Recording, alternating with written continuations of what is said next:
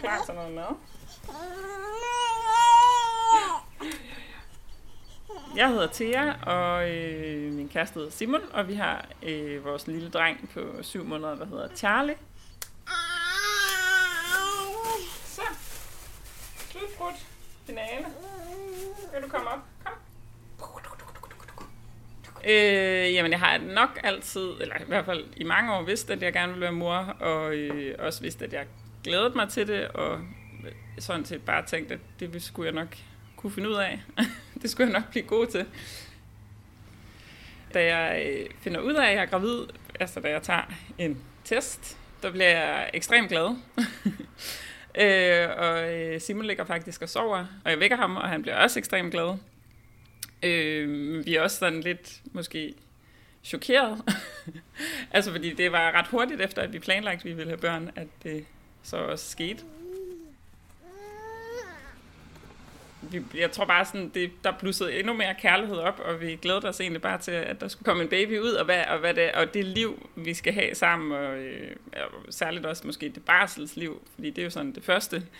Øh, jeg har alle mulige drømme om, selvfølgelig jeg vil rigtig gerne amme, og også noget med, hvordan jeg gerne vil sådan øh, opdrage mit barn. Øh, for eksempel vil jeg rigtig gerne bruge slynge eller bæresele og sådan nogle forskellige ting. Så, så jeg, jeg går der med sådan nogle små idéer om, hvordan det bliver, uden egentlig helt konkret at vide, hvad, altså, hvad det er, vi går ind til. Øh, altså jeg tror mest, vi har faktisk snakket om det der med, hvor hårdt den første stund kan blive. Altså sådan, øh, at en baby, der ikke sover særlig meget, når vi begge to er ekstremt glade for at sove øh, og gå meget op i vores nattesøvn. Så jeg tror, vi har snakket meget om sådan, at det bliver hårdt, men det, det skal vi nok komme igennem. Øh, vi skal nok klare den, den første tid, der kan være svær med sådan en lille baby. Øh, og så kan man sige sådan endnu længere ud, så tænker, glæder vi os jo selvfølgelig til, hvad det er. Altså, jeg tror, Simon drømmer om, at vores barn skal spille fodbold, for eksempel, og jeg kommer fra en musikfamilie, så jeg drømmer om, at han skal... Nu det, ved vi, det er en han, men på det tidspunkt vidste vi faktisk ikke, hvad køn det var. Øh, jeg drømmer om, at barnet skal spille noget musik måske, eller være kreativ. Så der er også nogle, jeg tror, taget fra vores egen barndom. Hvad kunne vi selv godt lide i vores barndom, eller hvad synes vi har været vigtigt, det vil vi gerne have med. Øh, det vil vi gerne have, vores barn også skal opleve eller prøve. kan du høre babyen udenfor? Da jeg så skal til 20-årsscanningen sammen med min kæreste der, der øh, mindes jeg, at vi kører til Rigshospitalet. Øh, så en lidt praktisk årsag, om jeg skal videre på arbejde, og så vil han lige kunne sætte mig af, øh, så jeg kunne komme hurtigt afsted og til de møder, jeg havde der efter scanningen. Så det er egentlig bare sådan lidt lavpraktisk, øh, ligesom et lægebesøg. Øh, altså selvfølgelig, jeg glæder mig til lige at høre hjertebanken igen, eller sådan, at det er en eller anden forsikring, lige at få lov til at komme ind og høre øh, babyen, øh, selvom at det er godt. Jeg mindes, at jeg også allerede der er begyndt at kunne mærke sådan noget, noget muren i maven, men, men jeg kan ikke mærke øh, babyen så tydeligt på det tidspunkt. Så det er, sådan, det er både lidt bare føles som en tjek, der bare skal overstå sådan praktikalitet, men selvfølgelig også med en, med en vis glæde for lige at få lov til at, at høre og se babyen igen. Mhm. Og så bliver man kaldt ind af en jordmor.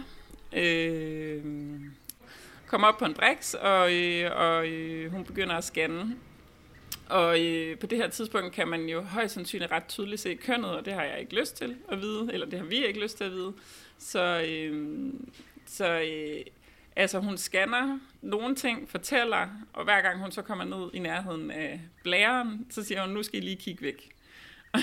Fordi så kan, der er risiko, eller en chance for, at vi jo selv kan tyde på det der lidt øh, grøde billede, øh, hvad hedder det, om det er en dreng eller en pige.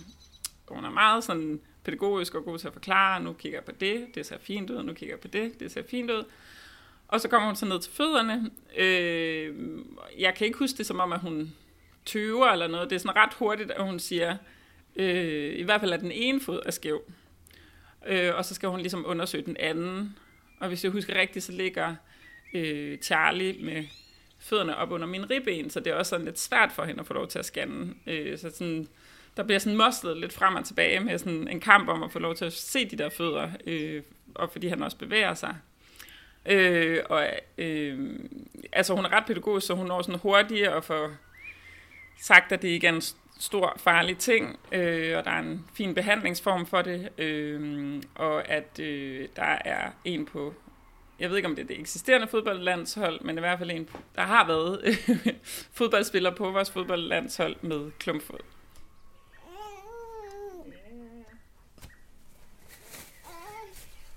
Når hun scanner os og fortæller den dårlige nyhed, øh, som virker ret stor på det tidspunkt, så begynder jeg at græde ret øh, instinktivt med det samme. Jeg hører jo egentlig bare, at der er noget galt øh, med barnet. Og, øh, og man kan sige, det er ikke fordi, nu siger jeg, at jeg ikke har overvejet, at der var noget, der kunne gå galt. Jeg har egentlig sådan set altid overvejet, hvis vi fik at vide, at der var noget galt med vores barn, så ville jeg, altså, ville jeg nærmest have det lige meget hvad.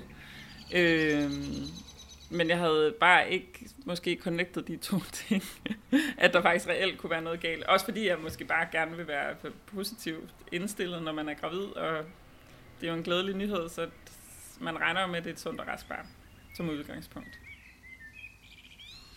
Efter den første scanning, så kommer jeg jo til en scanning hos lægen, som så bekræfter, at han ser også, at der er øh, klumpfod på babyen på begge fødder. Øh, og så giver han også en hjemmeside, vi kan gå ind og læse om. Øh, klumpfod eller varusfod kalder man det også. Og inde på den hjemmeside, der kan man både se, hvordan de der fødder ser ud, som til at starte med ser meget voldsomt ud i vores øjne. Sådan nogle helt skæve fødder, der drejer op og indad, øh, er indadvendte. Øh, og man kan se øh, gipsbehandlingen. Babyen skal have noget gipsbehandling fra øh, den er cirka øh, to uger gammel og et par måneder frem. Øh, og det begynder sådan først, så bliver jeg lidt mere sådan, øh, okay, det, det, er jo, det er jo noget, man kan forholde sig til. Der skal noget gips på, vi skal op på hospitalet, så tager det et af, så putter de noget nyt på, så kommer vi hjem. Så på et tidspunkt skal der en skinne på, den skal vi selv sætte på. Altså på en eller anden måde, så jo mere konkret det bliver, jo nemmere bliver det også at forstå, øh, hvad det er, vi skal igennem, og, og at det måske ikke er så voldsomt. Men så kan man sige, så, kommer der, så begynder der ligesom at komme alle mulige sådan, øh, tvivlsspørgsmål, eller spørgsmål omkring, hvordan gør man så med øh, en baby med gips på. Altså, så kan man jo ikke gå til babysvømning, fordi så bliver gipsen våd. Man kan jo ikke pakke babyen ind i en fuld plastikpose på i, øh, i babybassinet. Så der er lige pludselig er der måske nogle, nogle drømme eller tanker, jeg havde om det der barselsliv og de første, den første tid med babyen, som, som bliver taget fra mig.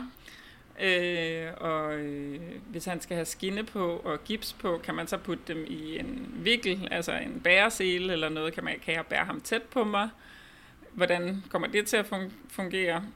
Øh, så igen kommer der sådan nogle små sådan bekymringer for, hvorfor, hvordan kan det liv, jeg havde forestillet mig med en lille bitte baby, kan det så også blive realiseret med en baby med klumpfod? Så det starter sådan en hel række af små lavpraktiske spørgsmål. Hvordan gør man?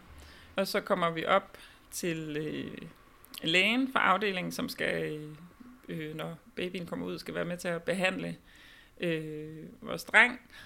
Og jeg har skrevet en lang liste, eller mig og min kæreste har skrevet en lang liste ned af ting, hvor vi siger, hvad med det, og hvad med det, og kan man risikere det, og, og så videre. Og så læser jeg bare alle spørgsmålene op, og øh, de fleste af dem kan han egentlig sådan ret fint sådan øh, afmystificere, øh, og det, øh, det giver rigtig meget ro i maven at komme op og møde ham.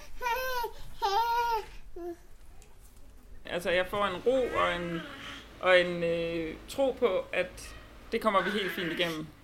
Så, så øh, mine bekymringer lægger sig lidt, og særligt efter øh, vi også får taget førstevandsprøven og får svar på den, som vi får i sommerferien. Øh, så vi går sådan er lidt halvbekymret i sommerferien i et sommerhus i Vesterhavet, og da vi så endelig får øh, at vide, at der ikke er noget, ingen kromosomfejl, og dermed intet andet øh, i vejen med ham, altså så kan jeg endelig gå tilbage til at slappe af, og begynde bare at nyde min graviditet, og øh, glæde mig igen til, at han kommer. Så. Ja. For jeg fik den positive graviditetstest, der der, der, der opstod der et, øh, en kærlighed og et ansvar med det samme, men efter 20-årsscanningen, der, der øh, på en eller anden måde opstår der en kærlighed til noget lidt mere specifikt. Altså fordi der ligger, der, der ved jeg ligesom, at der er en baby inde i mig med klumpfoder på måske bare det at have en eller anden viden omkring babyen, gjorde kærligheden endnu mere specifikt, og faktisk føler jeg, at jeg elsker ham højere fra det, det øjeblik, at jeg finder ud af, at han har klumpfod. Altså, på en eller anden måde føler jeg mere, mere omsorg til ham. Øh, I dag er jeg jo bare glad. glad for barsel, og jeg har forlænget min barsel, fordi jeg synes, det er så fantastisk at være sammen med øh, Charlie. altså, han er jo stadig helt perfekt, og helt vildt dejlig, og, øh, og alt er, som det skal være. Og jeg kan, jeg kan jo heller ikke rigtig forestille mig et liv uden en baby med klumpfod, fordi det er jo blevet, bare blevet vores hverdag og vores virkelighed. Så, så øh, altså, han er bare ligesom han skal være. Øh, så barselslivet er ligesom det skal være. Det, at han har klumpfod, har ikke været det, der har bekymret os. Det, der har bekymret os, har været de helt klassiske ting om, han nu øh, lavede lort nok, nok gange i blæen, og om han havde ondt i maven, fordi han græd så meget i de, nogle bestemte uger, og hvad skal man gøre, hvis de har ondt i maven, og øh, hvad skal man sige, forholdsvis normale baby- og barselsting, der har bekymret os mere end, end det, at han skulle i gipsbehandling og have øh, skinne på. Jeg tror da måske, jeg havde en idé om, at for eksempel han ville sove lidt, lidt længere øh, nu, i den alder, han har nu, eller at jeg vil amme færre gange om natten, eller altså der er jo alle mulige forestillinger, som jeg tror sjældent er, som man sjældent bliver sådan i virkeligheden, andet end vores kærlighed til ham er, er der fuldstændig som håbet og drømt om. Uh, sådan. Skal ikke vi også den kastet på gulvet? Bum. Bum, bum, bum. Ja.